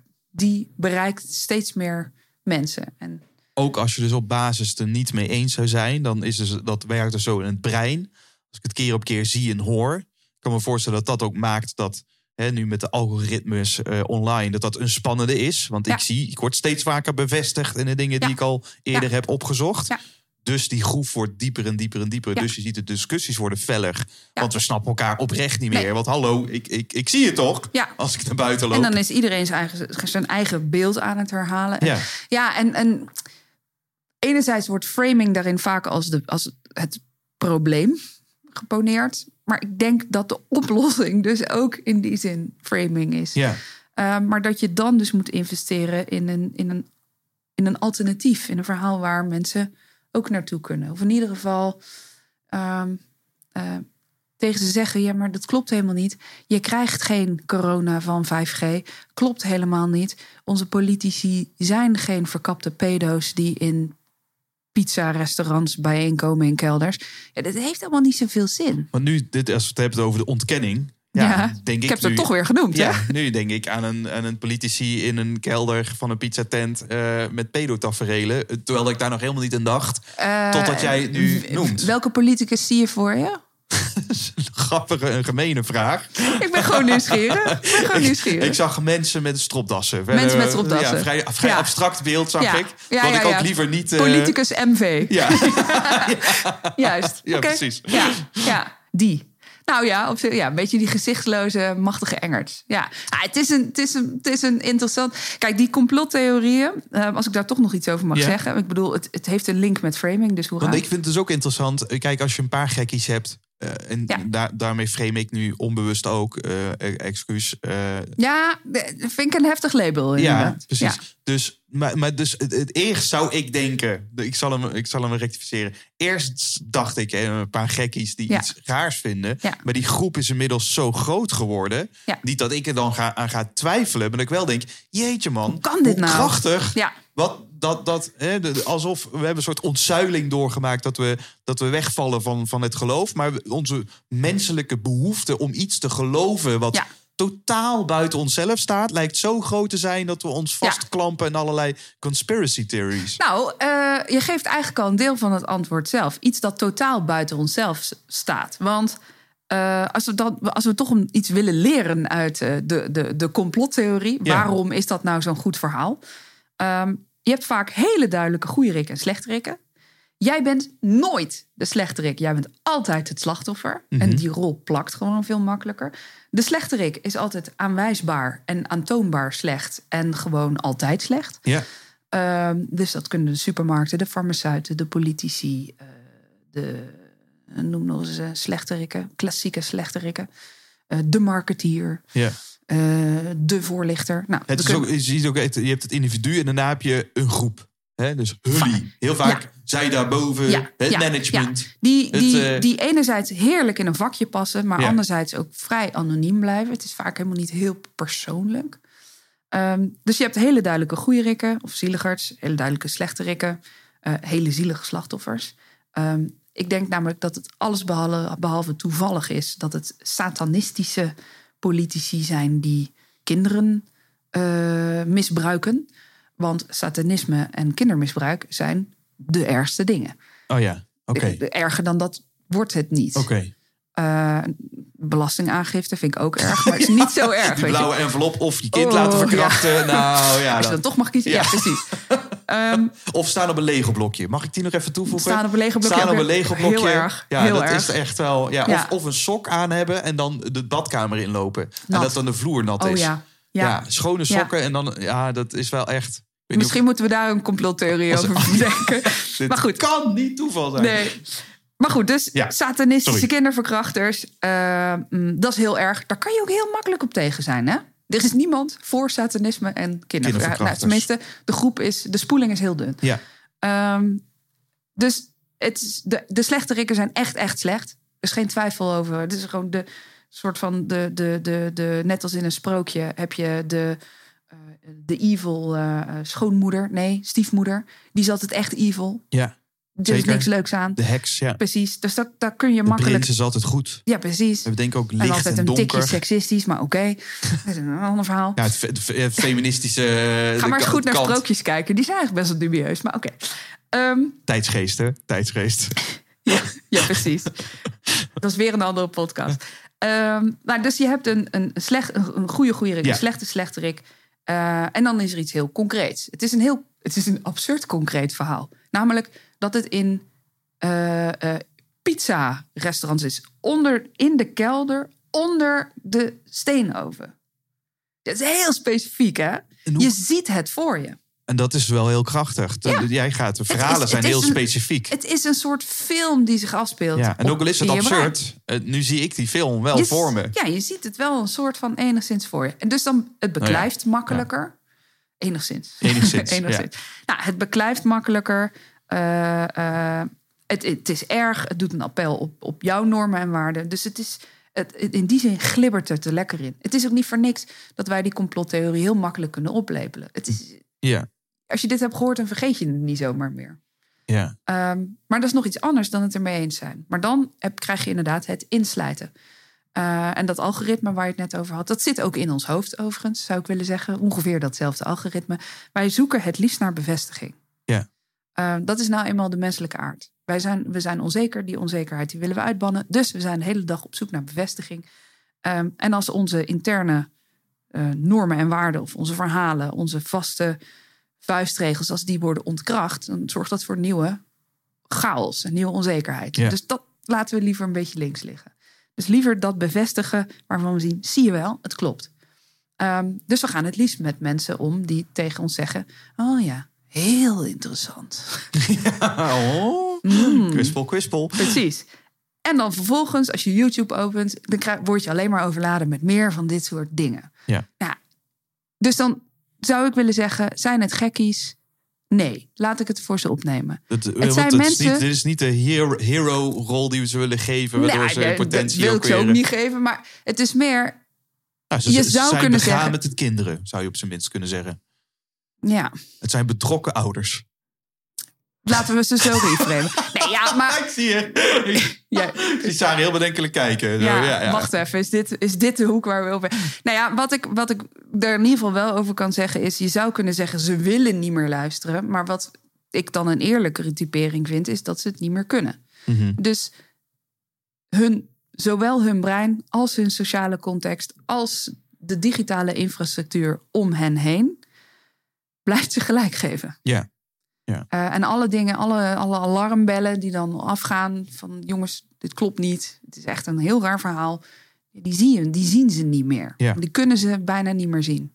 Dus ehm, ik denk dat je er veel meer baat bij hebt. En dat geldt dan even als we weer van complottheorie naar framing in zijn Ja. algemeenheid gaat. Je hebt er veel meer baat bij om te kijken waar je wel de verbinding met elkaar vindt. En vanuit daar met elkaar in gesprek te gaan. En daar eh, in die hoek te zoeken. Want wat we in ieder geval weten van die mensen is dat ze betrokken ouders zijn. Nou, eh, misschien is dat een startpunt. toch? Ja, en Ja. dat ze ook eh, kritisch zijn op de overheid. ja, en daar is ook niks mis mee. kritisch. Ja, Ja, nou, zeker. daar, daar, daar zit wel wat.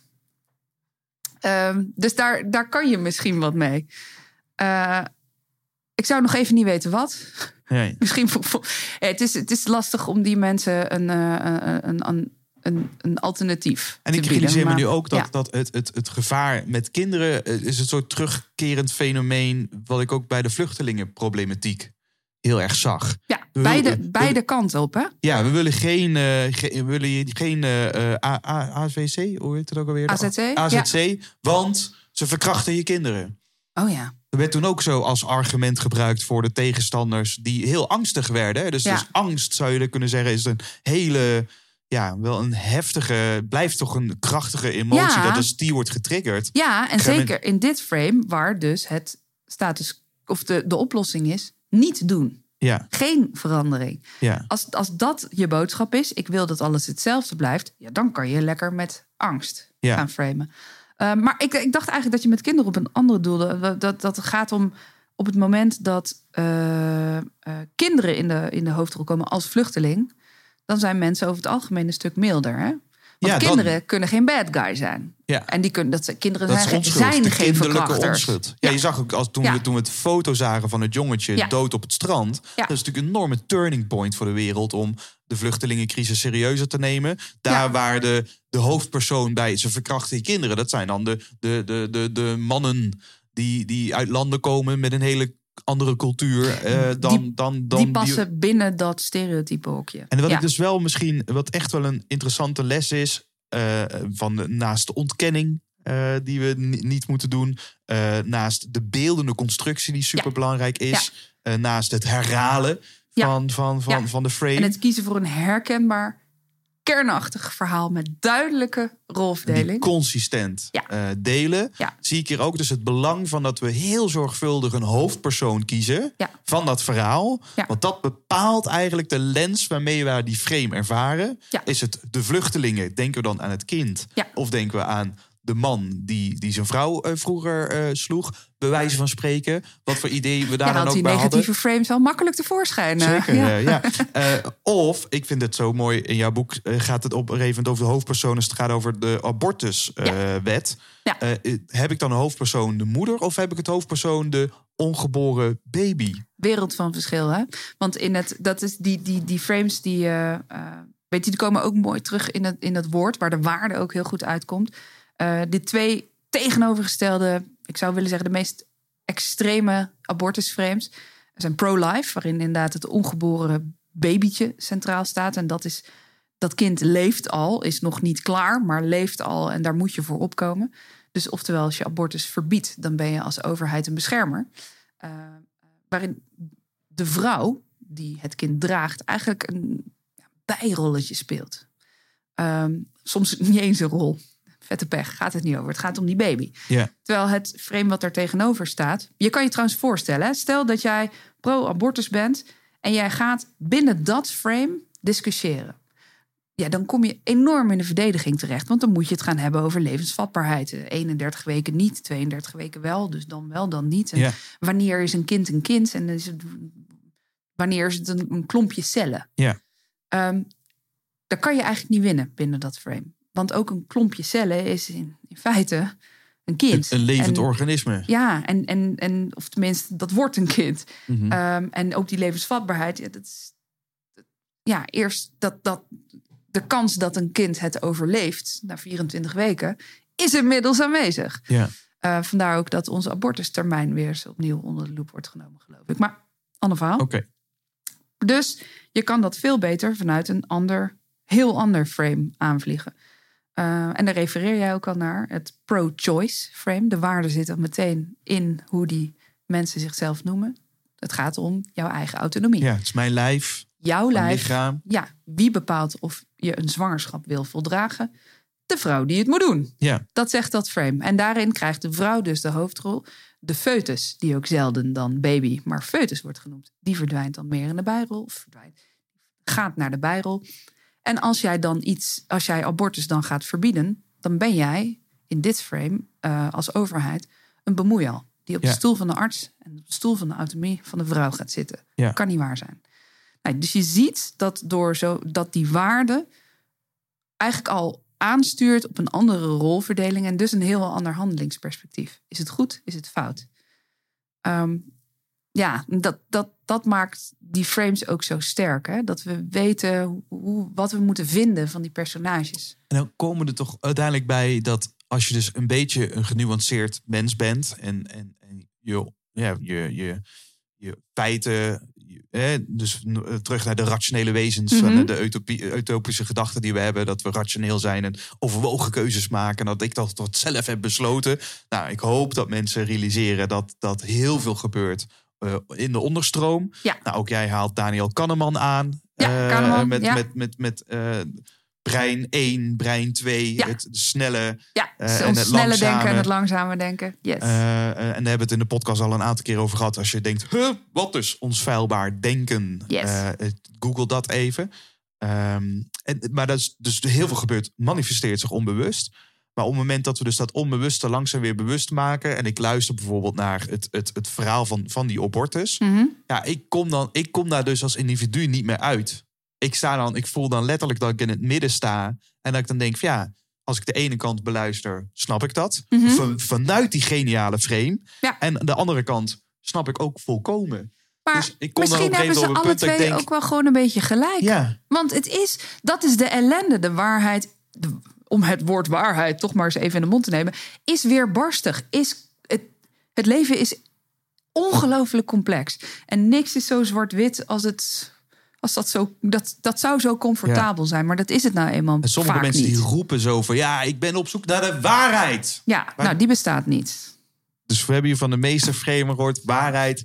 Niemand heeft een monopolie op de waarheid. Ja. ja, dat zeg je. Misschien moet ik daarbij houden. Dat je in ieder geval, als je claimt de waarheid te hebben, dat je dan wel iets meer zelfreflectie. Want het is jouw waarheid. Maar dat, Ja. dat wil niet zeggen dat dat voor de ander net zo aannemelijk of vanzelfsprekend is. Misschien als je andere dingen gaat meewegen, kom je op een andere conclusie. In die zin ehm, denk ik, moet, is de meesterframer ook een klein beetje bescheiden. In die zin. En een klein beetje. ehm, ehm, soms vragen mensen aan mij: ben jij dan echt zo'n nihilist? Geloof jij dan nergens meer in?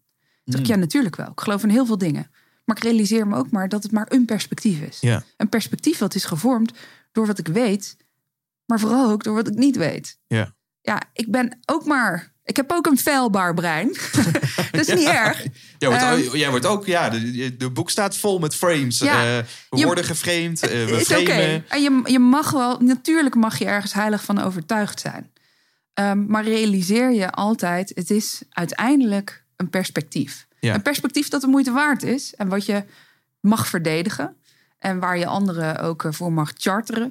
Maar het is maar een perspectief. Ja, ja en dat, dat, dat, dat is denk ik goed om te beslissen. Ook om, om daarmee dat ego of, of de weerstand of hoe wat je ook wil noemen, om dat te doen ontspannen. Als iemand dus iets heel anders vindt, is Mhm. het maar een perspectief. Rustig aan, vriend. Iemand begrijpen is echt iets anders dan iemand gelijk geven. Dus als je nou, eh, dat is vaak wat ik zeg, als je nou eerst eens even probeert echt te Ja. snappen wat nou die zienswijze is, nou, dat Ja. noem jij ook. Ja. Het- de- ik denk haast de, de saaie woorden. Oh jee, we hebben weer iemand die zegt van ja, het is wel Je goed om eerst te luisteren. Uh, ja. ja. maar, maar het Gaan gebeurt niet. Weet je wel, iedereen is zo Ja, maar autobiografisch. het is ook moeilijk, want ons eigen brein geeft onszelf ook gelijk. Hè? En, en eh, misschien is dat als we toch even systeem 1 en systeem 2 terug. Dus ratio versus, versus nou, intuïtie, laat ik het even zo. Ja. Dus een erg simplistische samenvatting, maar zo. Bewust, onbewust. Ja, precies. Is misschien beter. Ons, onze ratio heeft er ook een handje van om alles het stempel rationeel te geven. Dus heel veel van onze overtuigingen zijn niet per se rationeel of goed doordacht of doorspekt met feiten en kennis. Over de meeste dingen weten we simpelweg gewoon niet zo heel veel. Maar soms vinden we er wel wat van. Maar wat ons lieve brein doet om, om een beetje, nou ja, laten we maar zeggen, om een beetje zelfvertrouwen te houden, is zeggen: dit is dit, is, dit zijn de feiten. Zo zit het. Ehm, ehm, waardoor we misschien ook net iets te veel van onszelf eisen in die zin. Eh, eh, als ik iets vind, dan, dan, dan moet dat dus dan gesteld op argumenten zijn. Ja, Of zo. Maar gestoeld. Maar mm, hoeft niet per se. nee, Nee. nee, zien we nu in de wereldpolitiek, hè? Dat dat vaak Ja. helemaal niet gestoeld is op eh, Ja. argumenten, maar wel impact maakt. Ja. Dat Nee, is- ja, dus je kan anderen met een korreltje zout nemen, maar jezelf misschien ook. Ja. Dat is oké. Het is, het is, iedereen is mens. Neem jezelf niet eh, al te serieus. Dus Jawel, je moet is- jezelf wel serieus nemen. En je moet goed naar jezelf luisteren. En ook naar, naar je gut feeling. Maar ehm, um, je moet ook af en toe een beetje om jezelf kunnen lachen. Oké, Dat. dat. Zoiets. ja, nou ja, want, als men, eh, want weet je wat, het gevaar als we nu zeggen, eh, we zijn niet rationeel en eh, de feiten doen er helemaal niet toe. eh, dan Ook raak niet je, waar. Nee, is ook niet waar. En je raakt de mensen ook mee kwijt. Die zeggen, ja, maar luister, ik doe er zoveel moeite voor om, om me inhoudelijk goed voor te bereiden. Ja. En dat moet je ook doen. Want die feiten die doen er wel degelijk toe. Maar je moet ze wel in een kader zetten waardoor ze Ja. raken. Zoek dan uit welke feit op dit moment Ja. het gewenste effect. Ja, en, en kader die in in een verhaal waar mensen zich, of de wereld om zich heen, in kunnen herkennen. Ja. Nou, en daarvoor heb je meerdere tips gegeven om dat verhaal hè, te bouwen. Eh, ook vooral om, om, om dingen eh, niet te doen. Met vervolgens als tegenstelling hoe je dingen wel kunt doen. Eh, als mensen dit zo interessant vinden en, en meer willen weten over jou of, of, of ook je werk. Hè, want dit, je bent niet alleen schrijver, je bent niet alleen spreker. Misschien is het nog tot slot leuk om te vertellen wat jij ook als, eh, als beroep dan beoefent. Waar Mhm. mensen ook jou eh, om advies voor kunnen vragen. Ja, Maar wat we minimaal even graag doen, is inderdaad onderzoek eh, doen naar publieke frames. Eh, dat kunnen hele specifieke onderwerpen zijn. Eh, zoals wat denken mensen nou over, over pensioen, of over rekeningrijden, of over gezond eten. Wat is dat? Wat vinden we daarvan? Wat moeten we ermee? Welke frames leven er? En welke kun je mensen nou bereiken en welke juist niet? Ehm, maar we ontwerpen ook frames voor organisaties. Dus als die ergens mee zitten. eh, een hoofdpijndossier. eh, mee, er wordt ook Voor- kort, een beetje ja, een wordt- kop bij dossier in. dan. Precies, dan worden wij ingevlogen.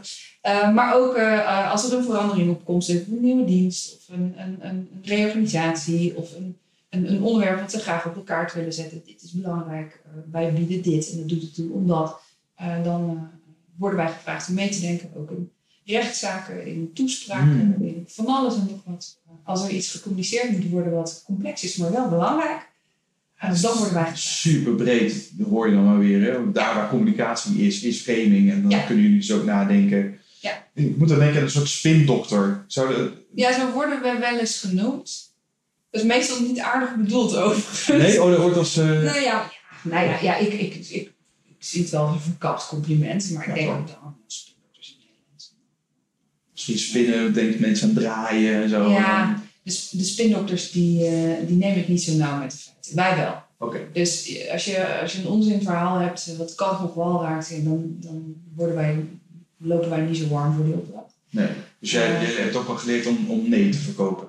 Ja, het gebeurt niet zo vaak hoor. Want wat mij opvalt is dat de organisaties die onze hulp inbraken, dat zijn ministeries, dat zijn provincies, gemeentes, politieke partijen, eh, bedrijven, NGO's, van alles en nog wat. Ja. Ehm, die, die doen hun voorwerk wel. Ik bedoel, de inhoud is er. Ze krijgen het alleen niet goed verkocht. Ja. Eh, en als je dan gaat kijken naar hoe ze het communiceren, ja, dan wordt wel gauw duidelijk waarom het niet verkocht Ja, precies. Te complex, te vaag, te, enzovoort. Daar hebben we het over gehad. Ehm, dus het komt eigenlijk nooit voor dat wij eh, denken, nou, eh, laten we deze maar niet doen. Gelukkig. Ehm, ja, dus Het, het kan, het- in theorie kan het een keer gebeuren, maar het is wel eens Ja, en In ik twee keer in tien jaar. Twee en keer in nee, tien. en nee, ga je niet vertellen wie het nee, dat was ook niet van plan. Nee. Flauwe vraag. Nou Hey, ja. wij, eh, wij gaan eh, richting eh, de afronding. Als ze dit dus, hè, ze horen dit, ze kunnen hier meer, dus ze vinden dit waanzinnig interessant. Via welke weg komen ze dan bij jou terecht? www.taalstrategie.nl Staat genoteerd. Yes. Tot slot, je weet het, de onspot-vragen die komen eraan. Het eerste wat in je opkomt is goed. Ready? Ja? Ja. Wat is een eh, boek wat je zelf enorm he- heeft, heeft geïnspireerd? Hebt, Hebt geïnspireerd. hebt geïnspireerd? Mij heeft geïnspireerd. Mij heeft geïnspireerd. geïnspireerd. Eh, of wat je misschien het meest cadeau hebt gegeven. En natuurlijk mag je je eigen boek niet noemen. Nee, nou, zo ijdel ben ik nou ook weer niet. Ehm ga ik toch weer nadenken. Het eerste boek. Je zei, je zei nog spot on snel. Ik ben alleen maar tijd aan het kopen door te praten. Dat snap je? Ja. ja, ja. Ehm, Er wordt ijverig Nee, ja, nee, gekeken, nee, nee, nee, hij staat er. Nee, kijk naar een boekkast, maar ik weet het eigenlijk al.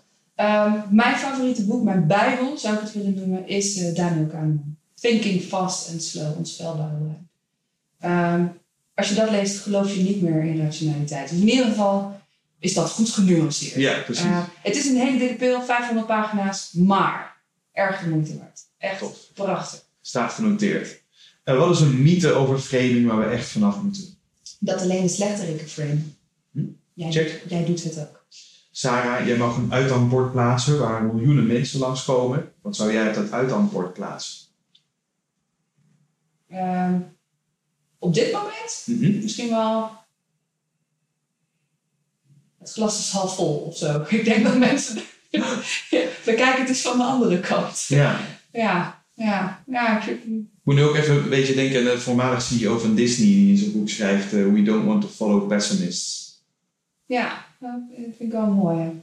Ah, maar ja, misschien dan. eh, Als je mag kiezen, kies voor een glas half vol. Oké, Bekijk het eh, van de zonnige kant. mooi. Ja. Always look.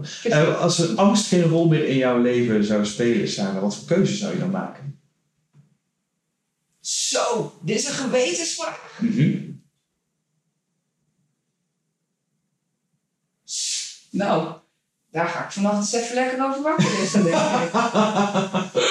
Welke keuzes zou ik er maken? Ja, ik denk eigenlijk, eh, misschien is het, het saaie antwoord dat er heel veel hetzelfde zou blijven. Want eh, eh, ik zou mezelf geen onangstig mens willen noemen. Mhm. De dubbele ontkenning is dit. Nou, ik denk dat ik eh, wel goed mijn angst kan parkeren, omdat mijn nieuwsgierigheid net een beetje groter is. Ehm, maar als ik dan toch iets moet kiezen, dan denk ik dat ik eh, wat sneller.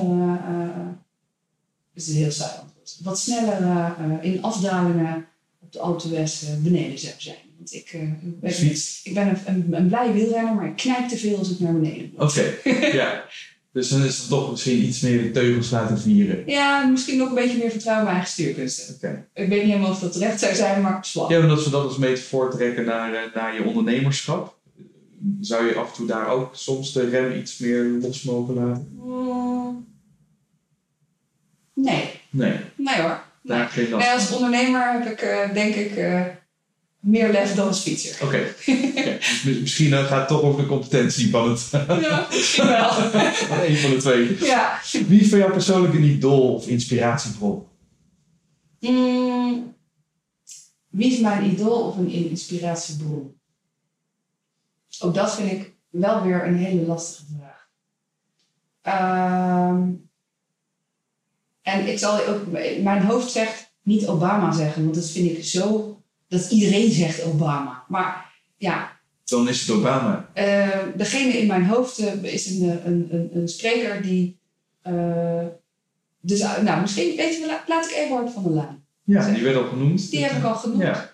Als iemand die, die eh meesterframer is, maar ook 100% zichzelf. Ja. Ik vind dat, dat, heeft, dat, dat is wel iemand die me, die Ja. me raakt en die me inspireert. Die ook, die zei, het is een mooi voorbeeld, die dus en strategie en authenticiteit Ja. goed met elkaar vermengt. En, Ja. en, het, en dus ook niet de, dus je hebt soms van die mensen die zeggen het is of of, nee, het is, het is de combinatie van die twee, Ja.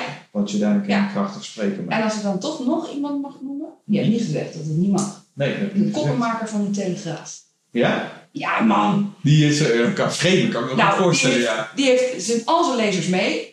En de rest van Nederland strijdt hij, hij of haar, weet eigenlijk helemaal niet wie het is, tegen de haren in. Dat is toch, nou ja, als er iemand impact heeft op Nederland. Google op de hoofd, wie is dat de hoofdredacteur of zo? Die de dat, koppenmaker. de kop, is er echt een koppenmaker bij de krant? krant? Ja, ja. Oh, interessant. De, de grote landelijke dagbladen hebben koppenmaker of makers. Fijn, ook een grappig beroep. Hè? Nou. doe, jij eigenlijk? Koppenmaker. Die, die framen in, in, in, in zo min mogelijk woorden. Ja, tof. Het is wel, ja, De muziekvraag is, eh, wat is een nummer wat jij veel luistert voor of na het spreken? Maar het mag ook gewoon ja, een soort anthem zijn waarvan je denkt, ah ja, dat... eh, Eh, mijn favoriete nummer, één, één van mijn favoriete nummers aller tijden. Ik vind dat moeilijk om er één, één, één te Mhm. kiezen, maar misschien is het toch wel mijn allerfavorietste nummer.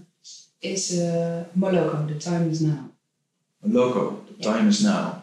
Luister ik al zo lang als dat nummer er is. Tof, nou dan gaan we die in de over gesproken jukebox stoppen.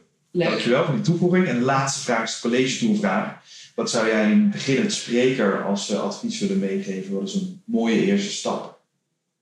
Ehm, wat ik je zou willen, willen meegeven is dat eh, als je luistert naar sprekers die echt heel goed zijn, eh, denk dan niet, ah, wat een natuurtalent. Maar denk dan, jeetje, die heeft zich goed voorbereid. Want vaak zit het hem in de voorbereiding en niet in het talent. Dat is mijn stelling. Mooi. Sarah, dankjewel voor dit interview. Graag gedaan, jij bedankt. Hey luisteraar, wat fijn dat je er nog bent. En Je bent aan het einde gekomen van het interview. En jongens, oh sorry, sorry, sorry. Als je het einde hoorde van dit gesprek, heb je waarschijnlijk gemerkt dat de kwaliteit van de audio drastisch veranderde aan het eind. En het kwam namelijk eerste keer eh, in twee jaar podcast eh, dat, eh, dat er iets mis was gegaan met de opname. Nou, ik ga je de details besparen. eh, maar eh, ja, de laatste tien minuten stonden niet goed op de tape. En eh, gelukkig neem ik de podcast ook op met GoPro's. Dus hebben we het moeten doen met de audio van GoPro's. Maar goed, die dingen blinken nou niet bepaald uit in de kwaliteit van audio. Desalniettemin ben ik heel blij. Dankjewel, Sarah, dat ik bij jou ja, op bezoek mocht komen om te praten over framing en nudging. En als jij, luisteraar, hier nou meer over wilt weten, ga dan naar www.taalstrategie.nl. www.taalstrategie.nl. En wat ook leuk is om te melden. Eh, over een paar afleveringen komt eh, de Best of aflevering uit van de Over Spreken Gesproken podcast. En ehm, ik ben nu hard aan het werk om eh, een online cursus te bouwen op www.desprekersregisseur.nl. Nou, als jij ook de beste inzichten van de podcast so far wilt, wilt meemaken, wilt ervaren, middels een aantal super toffe video's, ga dan naar www.desprekersregisseur.nl en dan je je daar alvast aanmelden. En misschien als je dit hoort, staat de training dan al online. Over een paar weken zijn we er weer met een nieuwe aflevering. Ik hoop dat je er dan weer bij bent. Lieve luisteraar, dankjewel voor het luisteren en tot de volgende aflevering.